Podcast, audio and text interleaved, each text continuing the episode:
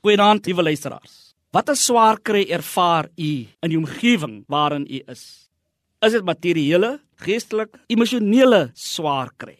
Noem maar op. Dit maak dat ons nie weet watter kant toe om te beweeg nie. Lyding en siekte knak die vreugde.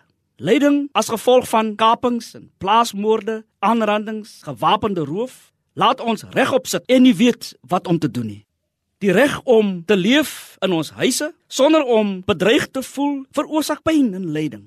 Lyding as gevolg van mishandeling van kinders, as gevolg van hoe die regte van ouers geskend word, dat kinders ongehoorsaam is en nie respekvol en eerbiedig teenoor hulle ouers optree nie.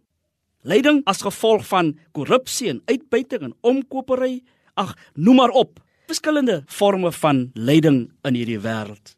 Hoe beter 'n mens God ken, Hoe liewer jy hom het en hoe jy in 'n verhouding met hom leef, hoe minder sin maak jou lyding.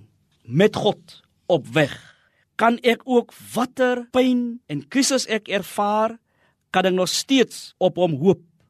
En waar ek gekonfronteer word deur die verskillende forme van die vyand, die duiwel in ons lewens en in die samelewing, kan ons steeds op God hoop en op hom vertrou. Kom ons kyk op na hom.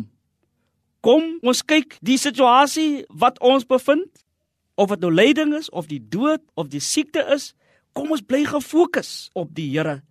Kom ons vertrou op hom want hy sal ons nooit verlaat nie. Hy sal 'n laar rondom ons lewens trek en hy sal vir ons die God wees om te midde van ons omstandighede steeds op hom te vertrou. Hy skenk aan ons die vergifnis. Hy skenk aan ons die nuwe lewe. Psalm 121 sê hy sal ons uitgang en ons ingang bewaar. Hy sal die beskermer wees oor ons lewens. Moenie toelaat dat ons omstandighede ons verhouding met hom versteur nie. Moenie toelaat dat ons omstandighede ons so laat leef dat ons moedeloos is en dat ons ons hoop in God verloor nie. Kyk op na hom en hy is die een wat met ons lewens bemoeienis maak. Die Here seën u. Amen.